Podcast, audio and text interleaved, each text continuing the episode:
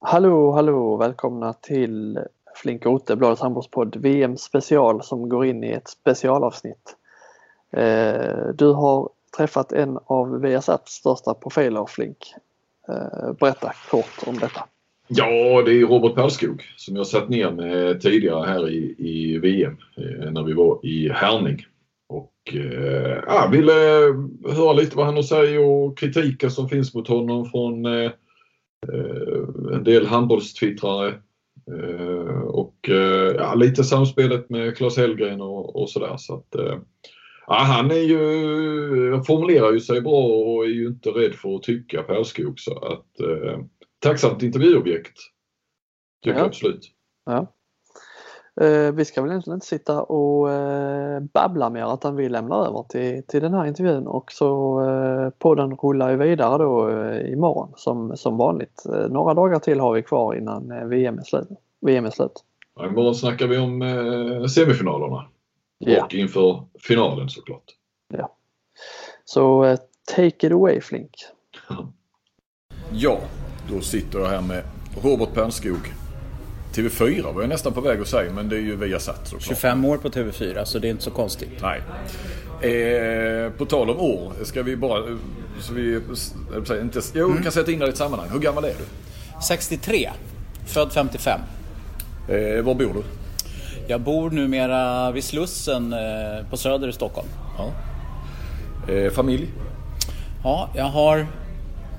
Eh, tänka en, till. Ja, men de är ju utflugna, barnen. Ja. Jag har två, eh, två vuxna söner, en 11-åring, en, en sladdis och sen har jag en sambo. Och sen har jag en hund och två katter. Det är min familj. Ja. Eh, istället för klubbar då så får jag fråga karriär så att säga. Eh, hur eh, började du? När? Var det Radiosporten först? Ja. Jo, eh, det var som så att jag kom in på Journalisthögskolan 1980 och gjorde praktikterminen på Sveriges Radio. Mm. Eh, och eh, då hamnade jag på sportredaktionen faktiskt och det är jag väldigt glad för. För att jag blev väl omhändertagen där av Tommy Engstrand som då var min mentor. Mm. Och han var också chef, vilket, vilket var ganska bra. Mm. Han trodde på mig, han sa så här att eh, Fan Robban, du kan bli bäst av alla. Och det var ju, det var ju kul att höra det. Samtidigt som, eh, som det höjde ribban något. Jag var ju från Rågsved, förortskille och eh, eh det slutade ju faktiskt med 1989 att jag gick rakt in i väggen för jag hade ju så jävla höga prestationskrav. Som Engstrand satte där kanske? Egentligen. Ja, han satte där. Jag ska inte säga att det var hans fel för det är hans Nej. förtjänst att jag sitter här idag. För jag lärde mig väldigt mycket men jag överarbetade och till slut så sa kroppen ifrån. Mm. Så det, jag fick eh, gå i konvalescens ett halvår. Men man blir ju som tur är kro, klokare med åren. Eh, och nu... Eh, jobbar du inte ihjäl dig? Nu jobbar jag inte ihjäl mig därför att nu har jag lärt mig hur man säger nej. Mm. Eh, och jag har dragit ner på min eh, eh, arbetsbörda också. Så jag, jag gör lite internationell fotboll. Mm. Och, och sen så gör jag handbollen. Som är det som jag tycker är absolut roligast. Eh, efter Radiosporten till TV4 då? Ja, jag blev värvad faktiskt av TV4. Mm. Eh, av Steffo Törnqvist. Som eh, hade hoppat på den där mm. grejen och Bengt Magnusson faktiskt, gamla programledaren på, på SVT Sporten. Ja. Så Vil de var jag och käkade lunch med. Ja. Vilket år var detta? Då? 1990. När det skulle starta då? Ja. ja. Så jag är TV4s först anställde sportreporter. Ja. Eh, och eh, det var meningen att jag och Jakob Hård skulle jobba tillsammans. Mm. De ville, vi var ju kompisar på radion så att de tyckte att det var ett bra, ett bra par och det var det ju. Mm. Eh, men Jakob fick ju motbud då av SVT som ville behålla honom för friidrotten och skidorna. Och då föreslog jag Peppe Eng. Som, som var på Radiosporten ja. också? Ja. Och han blev ju folklig och, och programledare och han var ju med i Let's Dance också ja. så småningom. Ja, men vi var ett bra gäng där från början, men vi var inte mer än 50 stycken på TV4. Nej. Nu vet jag inte hur många det är, det måste vara tusen personer som jobbar där. Ja, ja precis, på hela ja. TV4. Ja. ja. Och sen eh, till, och så slutade du då där, eh, måste ju 2015 då någonting eller? Det, eh, det var efter fotbolls-VM eh, 2014. Ja. Så 15 är, stämmer nog. Och sen Viasat. Och då blev det Viasat för, för Klas hade gått till Viasat för att göra Champions League-handboll. Som det var det, det som han tyckte var allra roligast. Eh, Men då, du, var, du var anställd på TV4 i hela nej, fram? eh, jag var frilans sedan 2002. Ja, okej. Vi var ett gäng där eh, som gjorde så. Eh, Patrik Ekwall var först och jag följde efter sen. Tjänar man bättre då? Nej, det var inte därför utan det var för att Eh, eh, ju- vi fick ju fler och fler nyhetssändningar. Eh, och jag var ensamstående pappa eh, med två minderåriga barn. Eh, och varannan vecka hade jag svårt då att, att bli schemalagd. Men de envisades med att schemalägga mig i alla fall trots att jag hade någonting i mitt anställningskontrakt som hette fritid. Alltså verksamhetsanpassad tid. Så att det funkade inte socialt. Eh, och och då, dåvarande chefen Mats Pettersson han, han föreslog att jag skulle göra som Ekwall eh, och skriva frilanskontrakt och så blev det. Så jag skrev tre år i taget. Nya förhandlingar var tredje år. Det var ju det som hände med Patrik att helt plötsligt så förnyade de ju inte. Vad tänkte du då? Ja, då tänkte jag vad bra att jag är på Viasat nu. Tänkte jag. De, de kickar ut de gamla öken här. Och du hade redan tagit steget? Ja, jag hade redan tagit steget för att, för att få jobba med Klas. Och sen var ju eh, min gamla kompis Per Nunstedt eh, chef då på eh, Viasat, på sporten där. Så han var ju intresserad av att jag och Klas skulle jobba tillsammans igen. För vi har ju blivit en institution. Ja. 35 mästerskap. Det är ju inte klokt alltså. Men eh, alltså jag, jag kan säga det Johan, jag har aldrig mått bättre och aldrig tyckt att det var roligare att jobba än nu. Det är så? Ja, så är det faktiskt. Och då har jag ändå hållit på sedan 1980. Varför är det så? Därför att någonstans så bottnar man som människa. I, I mitt fall har det tagit sådär en 60 år. Mm, jo. Ja, när man helt plötsligt känner, ja men det här är jag trygg i, det här tycker jag om. Så gör man det som man tycker om och det är precis det jag gör nu. Borta är prestationsångest och, och rädslan för att, för att göra bort sig eller göra fel eller bli avslöjad eller att någon ska tycka illa om en. Man, jag gör det som, som jag är bra på och jag gör det så bra jag kan och sen får det vara bra med det. Och så att jobba med Klas är ju fantastiskt eftersom man lär sig nya saker varje gång. Inte bara handboll eller? Nej, inte bara handboll. Långt ifrån bara handboll. Du kan tänka dig själv man sitter och kör bil en hel natt på ungerska landsbygden från, från eh, Budapest till eh, Bekeshaba. Då hinner man avhandla en del i livet. Eller om man flyger till Rio de Janeiro och sen Sao Paulo som vi gjorde när det var damernas VM där. Och som vi gjorde nu när det var OS-handboll, 16. Det var ju också en orsak till att jag var intresserad. Jag ville göra ett OS till. Och när jag hade gjort fotbolls-VM 2014 då kände jag att jag var färdig med fotbollen för att gör man VM i Brasilien då blir det aldrig bättre. Nej. Det kan inte bli bättre. Så det tyckte jag var en bra slutpunkt. Du sa det att du tycker det är roligare nu och att du har bottnat i dig själv och kanske Mm. trivs bättre på jobbet. Jag tycker också att du har blivit trevligare. Ja, du ser. Du hälsade ju knappt eh, för, för 10 Nej men det 15 var så mycket prestationsångest. Det var det. Alltså det var så mycket krav och så mycket... Framförallt Åh i fan vad jobbigt. Ja, handbollen, särskilt i handbollen eftersom det var, det var ju inte mammas gata liksom. Nej. Jag har ju inte spelat handboll själv. Jag var, jag var ju basketspelare och sen har jag ju spelat fotboll och hockey och sådär som alla, alla grabbar på ungdomsnivå.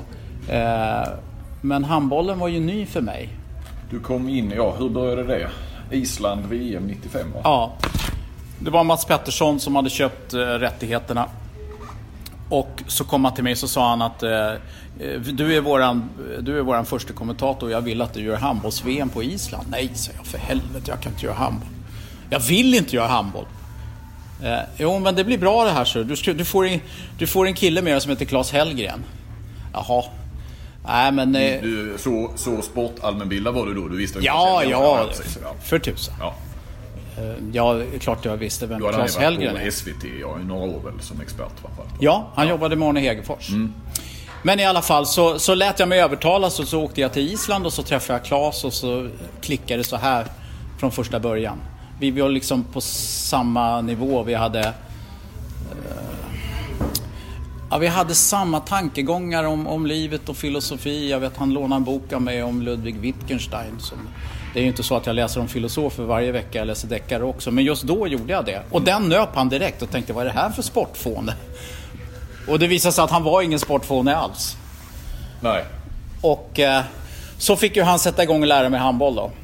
Vi var, gick ju på varenda träning vet du och han, han förklarade. Vi gick ju inte bara på Sveriges träningar, vi gick på alla träningar. Och så satt vi där. Det var på den tiden man fick gå på träningar. Nu blir man ju uteslängd ur hallen som journalist. Vad det nu beror på, det vet jag inte. Larvigt. Eh, var det inte då ni typ satt på plintar och kommenterade Jo. i små isländska hallar? Jo, i Akureyri på norra Island. Där, eh, därifrån kommer ju Alfred Gislason. Ja, hur var det där? Var det inte han? Bodde ni inte hemma hos honom? Jo, vi bodde i hans jaktstuga. Ja. Åt rutten haj.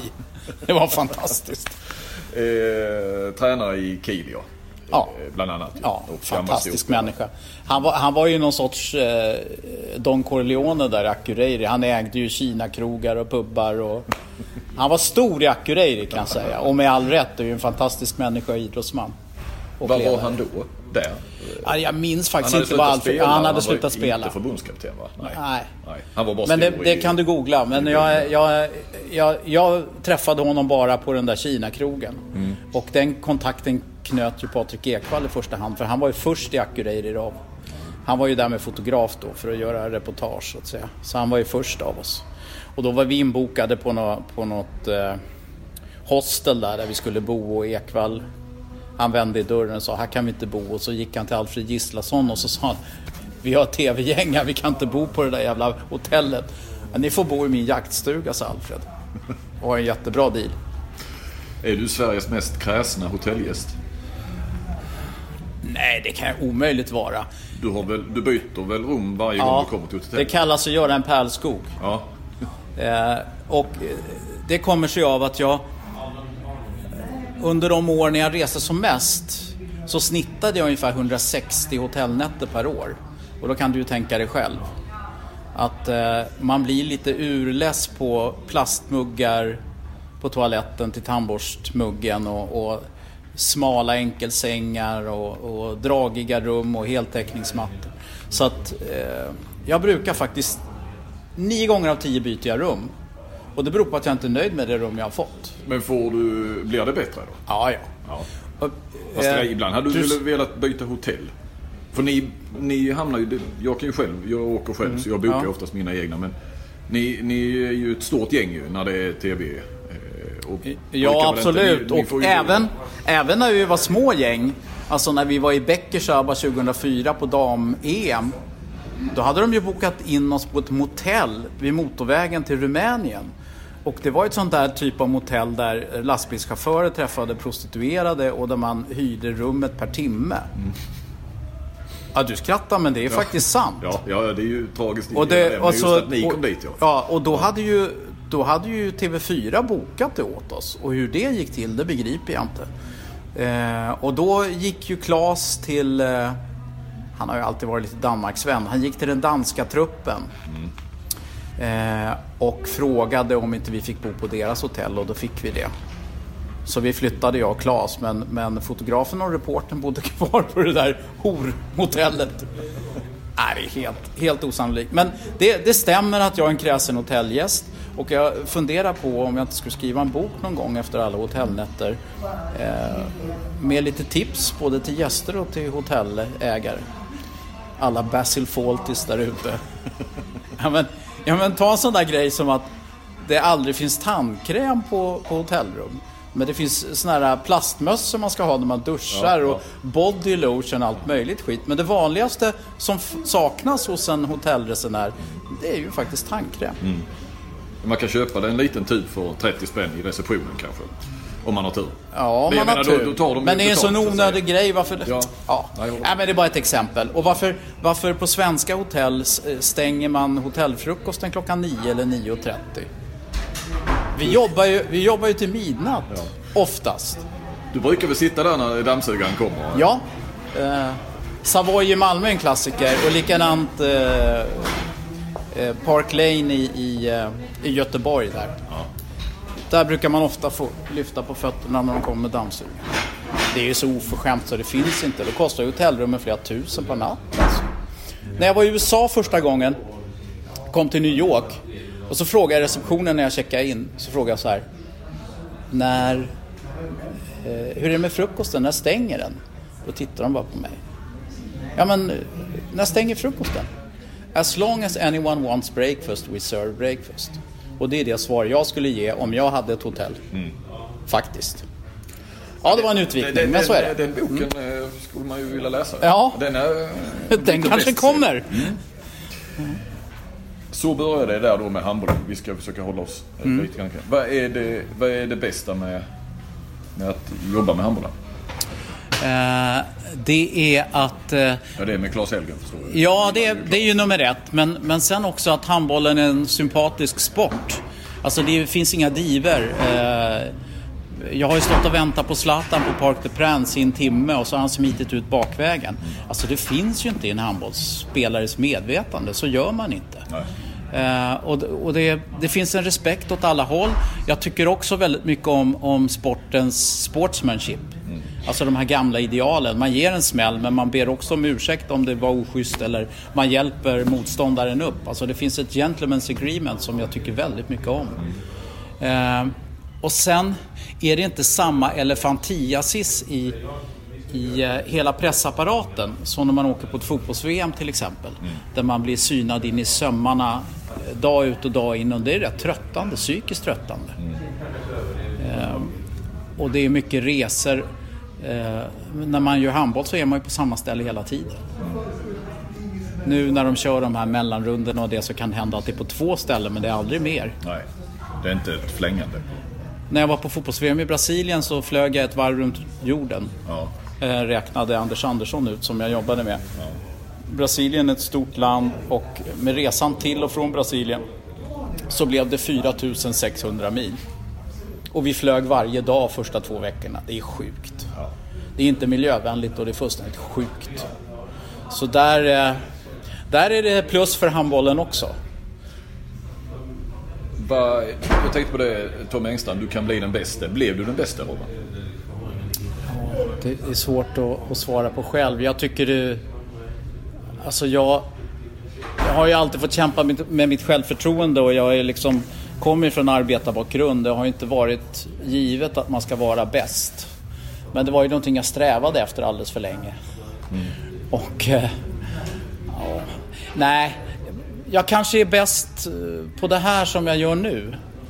Alltså handbollen. Om ingen, om ingen nu blir arg på mig för att jag säger det. Men, men jag, jag tycker att, att jag gör det här ganska bra. Och eh, jag gör det i, i, ett teamjobb som det är ett roligt team att jobba med. Allt från Ola Wenström och Susanne Sjögren och alla som jobbar kring det här. Och Claes Hellgren då framförallt som en, en, har blivit en nära vän. Han har ju till och med varit hundvakt åt mig när det, när det har knipit. Men eh, annars så finns det ju...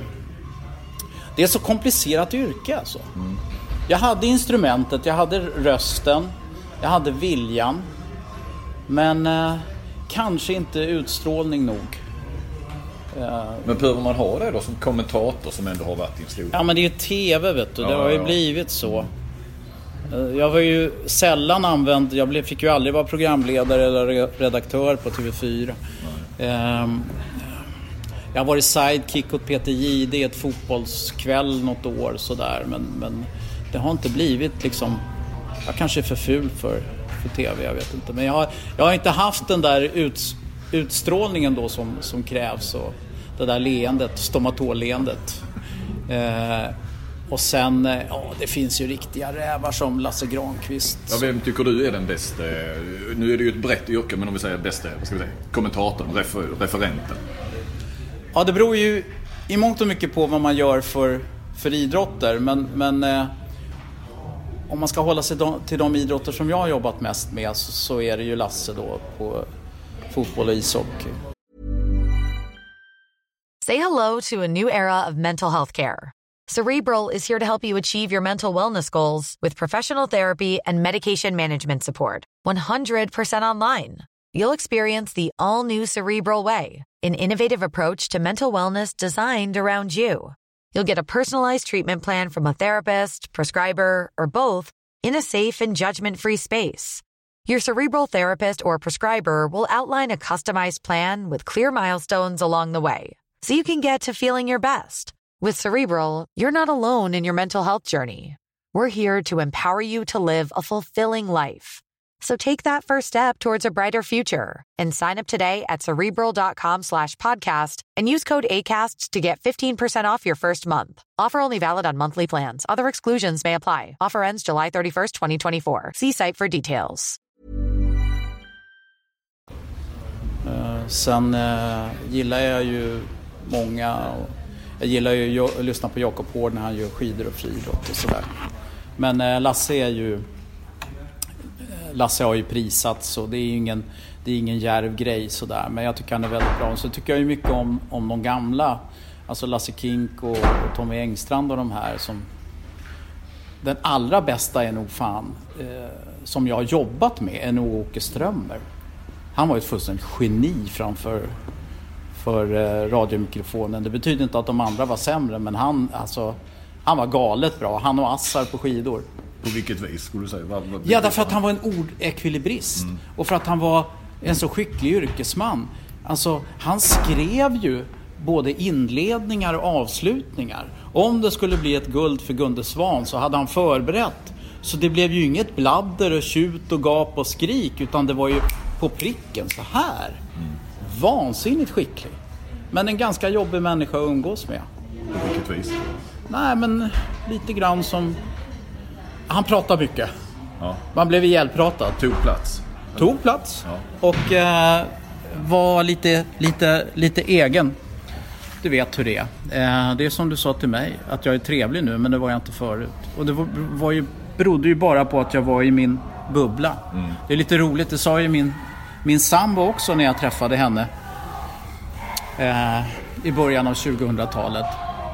Det var på, vi hade barn i samma skolklass och de skulle åka på en basketresa. Då sa åh nej, ska han med den där dryga jäveln? så, kan det förstår börja. det. Ja. Ja. Den där dryga jäveln. Nej men Åke, Åke var väldigt, väldigt skicklig. Jag är glad att jag fick jobba med honom och, och Alltså den generationen, Lars-Gunnar och de här, det var sådana radio och tv-proffs. Fantastiskt bra.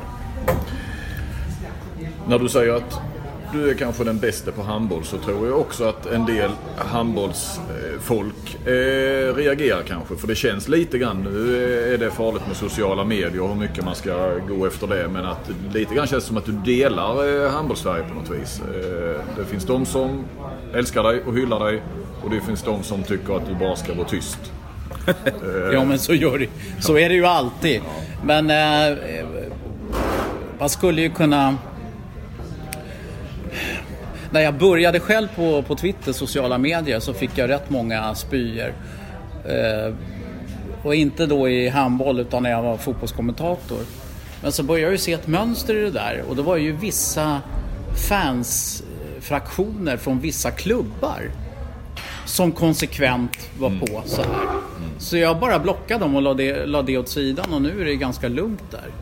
Men sen är det så att det finns ju en, en tränarmaffia i Sverige när det gäller handboll. Ett kluster. Det är lite roligt, Thomas Axner var ju väldigt kritisk i sina bloggar och krönikor som han skrev innan han började på TV4. Nu är vi ju bästa kompisar, men han var en av de som Kritisk som, mot dig. Ja, mot mig och mot, mot Claes. Och, och jag, Claes har ju många antagonister i, i, i tränarbranschen i Sverige. Ja.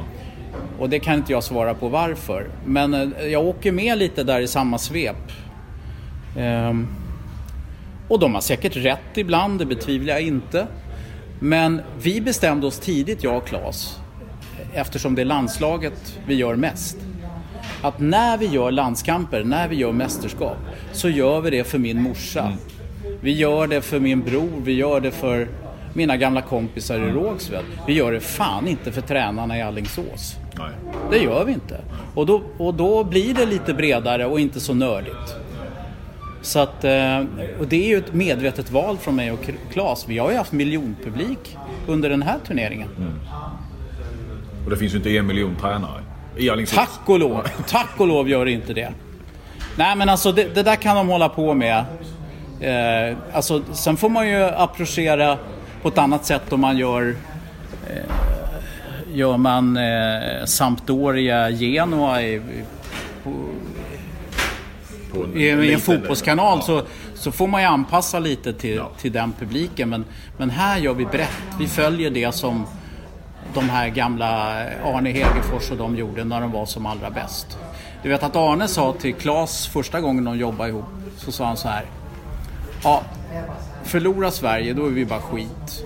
Men om Sverige vinner sina matcher nu, då, då blir vi geniförklarade. Och det finns ju ett samband där. Ja. Det gör ju det.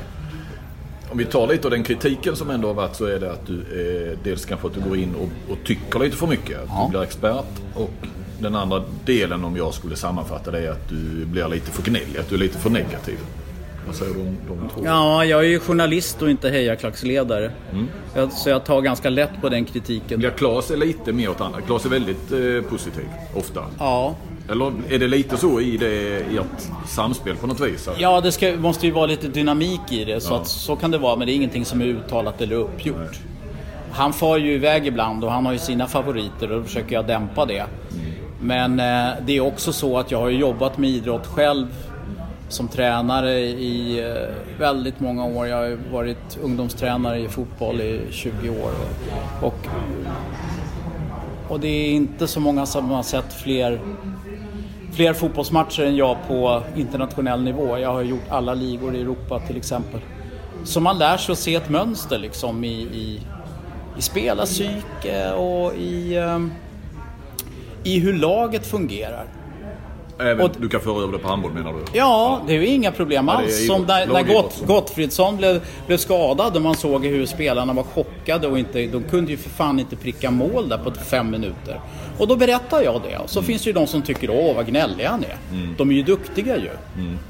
Ja men vad fan, det är ju här är ju på högsta nivån. Vi spelar om ett världsmästerskap. De här killarna tål kritik. Alla hälsar på mig och även om jag har kritiserat dem, det står jag för. Eh, och jag anser att det är mitt jobb som, som journalist att göra det. Så eh, sorry folks, om ni vill ha en hejaklacksledare då får ni stå ut med mig några år till för jag har kontrakt till 2022.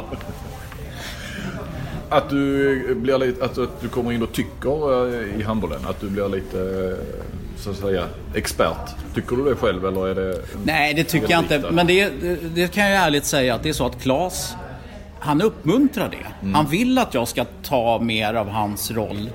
Eh, och det är ju faktiskt så att ju mer man lär sig om sporten, eh, desto mer kan man då förmedla.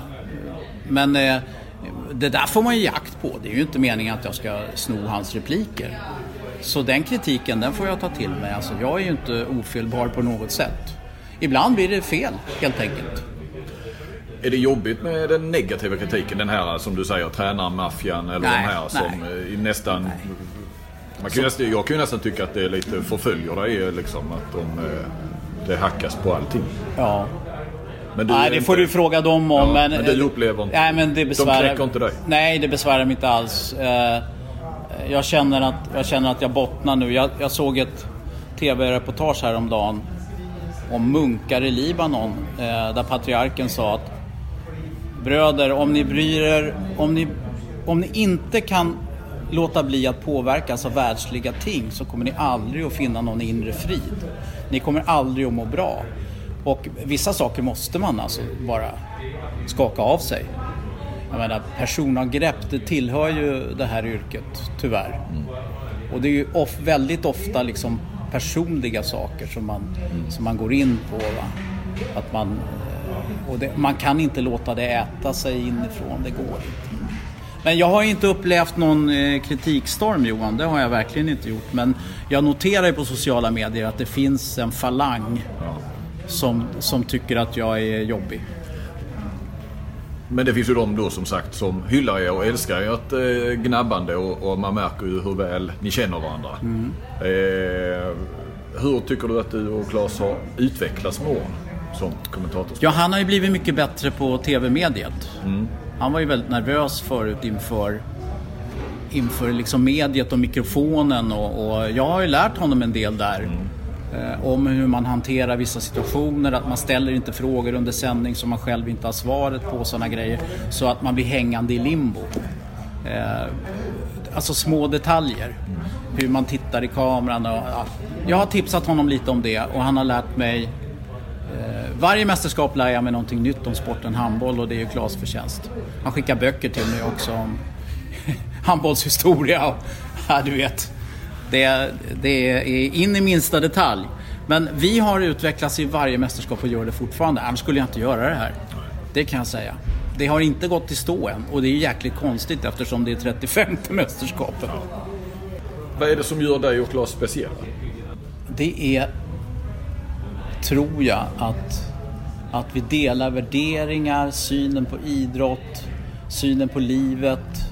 Vi är nyfikna båda två. Nyfikna på eh, eh, filosofi och naturvetenskap. Och, ja, men vi, vi ser världen och idrotten ganska brett. Och jag har jobbat med många väldigt skickliga bisittare genom åren. Eh, några har blivit mina vänner eh, för livet faktiskt. Men ofta har det varit väldigt fokuserat, specialiserat. Men det är det inte riktigt med Klas. Han kan ju börja prata om Böhmis kristall under en, under en handbollsmatch och det är fortfarande relevant, det är det som är så roligt. Han är ju också stormästare i en, eh, en frågesport på 80-talet som hette Prat i kvadrat med Ingvar Oldsberg. Fredrik Belfrage? Ja, Belfrage kan det ha varit. Okay. Var han med där? Ja. Ja, det var där de satt i... i ja, ja, ja. ja. Stormästare. Ja. Han åkte aldrig ut. Nej, men han är väldigt allmänbildad eh, och eh, vi har lärt oss faktiskt att eh, ha roligt tillsammans när vi jobbar. Jag, jag, tror inte att det är så mycket svårare än så. Precis på samma sätt som jag är övertygad om att, att Åke Vassar och och äh, Lars-Gunnar och Rolle Stoltz och Arne och Ankan och de här har funkat genom åren. De gillar varandra. Mm. Och då blir det bra. Och man har kul. Och man har kul. Mm. Borta är... Alltså kan man lägga prestationskravet åt sidan, känna sig trygg i sin kunskap och det, och det, och det gör vi. Jag litar ju på Klas till 100%.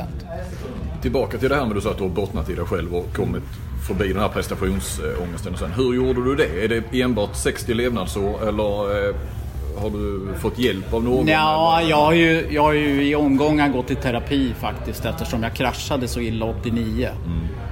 Så det var en riktig jävla krasch, jag lovar dig. Huddinge sjukhus. Nej, jag hade ju tvärångest. Alltså, jag hade panikångest. Och, och, var du intagen du? Ja. ja. Jag, jag ramlade ihop efter en morgonsändning på, på Sveriges Radio. Fick åka ambulans till Huddinge. Jag trodde det var hjärtat. Jag trodde det var slut. Fan. Ja, jag kunde inte resa mig, jag låg där. Jag kunde inte resa mig. Jag, fick, jag låg och ropade på hjälp och så kom det en, en städare efter en halvtimme och, och ringde ambulans. Så att, äh, det var jävligt traumatiskt. Mm. Men det, alltså, kroppen kopplade ner och sa nu, nu är vi inte med längre här. Nu får du fan ta och lugna ner dig. Uh, och där klev jag över en tröskel och sen var det terapi, det var medicin, det var terapi och sen så fick jag lära mig att och hantera yrkeslivet på ett annat sätt. Och när TV4 hörde av sig så sa jag så här att prio ett är min familj, prio två är mitt jobb. Och det får ni köpa då. För annars så skriver jag inte på. Det, och det gjorde de och då fick jag den här fria tiden och allt det där. Och, och första åren på TV4 var väldigt lustfyllda. Det var väldigt roligt. Serie A med Diego Maradona och jag och Peppe. Och, nej, det var roligt som fan. Det var väldigt roligt. Men det var, handlade om jobbet, så du var inte i de, depressioner och så? Alltså det var... Jo, eh, det var jag ju. Det är en följd, följdverkan ja, ja. av det där. Eh, och sen har jag haft depressioner senare också. Men eh, som sagt var, jag har jobbat med det där och gått i terapi och nu mår jag, mår jag faktiskt bättre än någonsin. Jag är i väldigt bra form.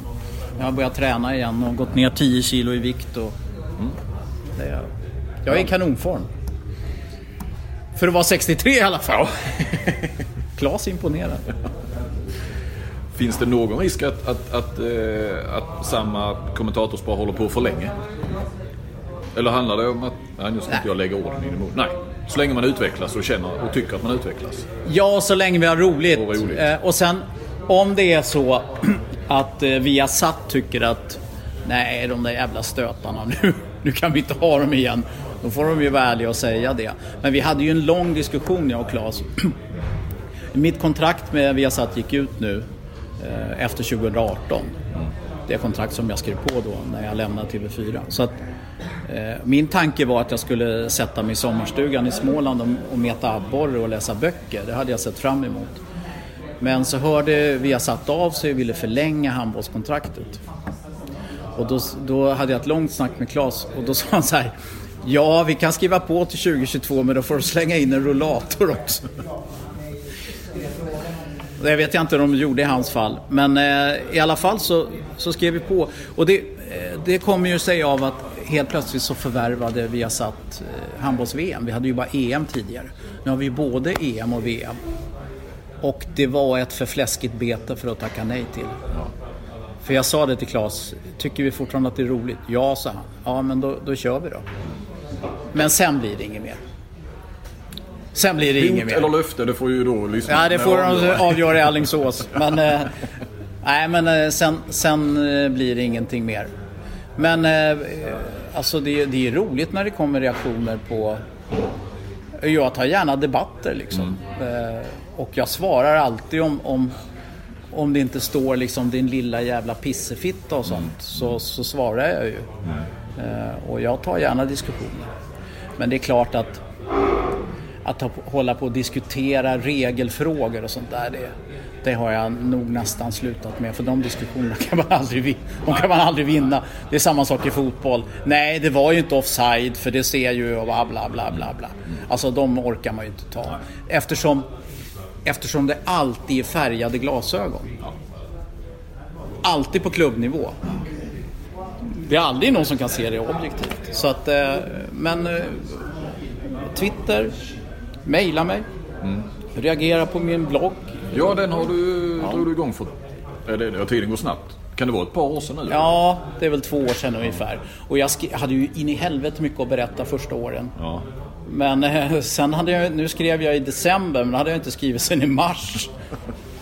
Så Men att, du skriver ju långt också. Ja, det är det ju har liksom blivit- långa. Det är ju ja. som ett kapitel i en bok eller lite Ja, grann. Blir och det någon kanske, kan, det kanske Ja, blir en bok av det där, av bloggen så småningom. Vad ska Sportjournalist-Sverige huka sig i bänkarna då eller? Nej, det behöver de inte göra. Det är väl vissa personer som får ducka lite. Jo, ja, men det är dem jag menar ja. ja. Nej, men inte Sportjournalist Sverige gen- generellt. Nej. Du hör ju på mig nu, jag är ju nöjd och glad. Ja, ja, ja. Jag, jag är Du inte så, jag är inte så bitter. då när du var... Alltså Tony Rickardsson, jag är inte bitter. Nej då, eh, det är inte så farligt. Nej men jag kommer att berätta om, eh, om min uppväxt och, och minnen från, från alla resor. 160 dagar om året. Det blir rätt mycket utslag på 35 år. Jag har nästan varit mer borta än hemma. Och ändå lyckas ha familj, vilket jag är lite glad och stolt över. För det var ju ett, ett, ett, ett nemesis för, för eh, sportjournalister förr. Det var ju väldigt få som lyckades hålla ihop. eh, vilken är den bästa matchen du har kommenterat? Eller den mest... Ja, Ja, stör, ja, den, mest känslosamma? ja, det är ju så många men, men den, den som har den som jag har starkast minnen ifrån det är EM-finalen 2002 med den här förlängningen mot Tyskland och, och. Jobo Vranjes i, i Globen. Alltså den, och vi hade, som, vi hade ju 3,8 miljoner tittare Mm. då. Alltså det är helt, det är science fiction idag. Eh, Alltså det var helt fantastiskt. Men sen finns det ju många andra pärlor som att eh, dricka whisky med Per Johansson i, i Lillehammer efter att svenska tjejerna hade slagit eh, Norge Ja. inför ögonen på den norske kungen. Det var också en höjdarkväll alltså. De här, eh, ja det var ju... 2010. Precis, 20, ja precis, 2010. Det var ju genombrottet för dem. Och 2002 var ju någonstans liksom slutpunkten. Det visade sig senare. Men, men det var ju det Ja. ju, trots allt för, för Bengan Boys. Så ska jag välja två matcher så är det dem. Ja. Och då var ju tjejernas match i, i gruppspelet. Sen gick de ju till final och tog silver. Eh, I Härning faktiskt. ja, då var vi här. Här, ja. Men, men eh, de två matcherna är, är väl de, de minnen som, som är starka. Sen har man ju sett så många bra matcher där Sverige inte har varit inblandad. Men det är ett gytter av matcher så att det är omöjligt att, att välja någon. Men när Frankrike har varit som bäst och, och så är, finns det ju många bra matcher som de har gjort. När Spanien utklassade Danmark i, i VM i, i Barcelona mm. var också rätt häftigt alltså inför hemmapublik där. Nu tar frågorna slut va? Ja, nästan. Du har någon dängare där på slutet? Någon sån här? nej, nej, verkligen inte. Eh, vad, eh, vad gör du mellan matcherna nu? För nu låter det som att du kan, eh, eller mellan jobben så att säga, när du är ute på mästerskap. Att du kan slappna av på ett annat sätt idag. Ja, ja det är en stor mer. skillnad. Du vet förut eh, hade jag jobbat en kväll och gjort match. Då gick jag direkt och la mig för att jag hade huvudvärk. Jag hade migrän och, och var, jag var helt slut. Men så, så är det ju inte nu. Nu sitter jag med mina arbetskamrater och tar en kaffe eller en öl efteråt och, och snackar ner matchen. Sover gott på natten och på dagen så tränar jag. Det är en stor skillnad mot hur sportjournalister hade när jag började på 80-talet. Men jag, jag försöker springa 5 kilometer varje dag när jag är ute på turneringar och, och, komma hem i bättre skick än jag åkte. Gå på gym lite ibland också och sen så ja, följa idrotten. Vinteridrotterna på helgerna är kul att se. Mm. Vinterstudion och, och lite Premier League och vad det nu kan vara. Ja, men jag tycker det är rätt mysigt att vara ute på handbollsturneringar. Ja. Stort tack Robert Pellskog. Ja, tack själv. Det var trevligt.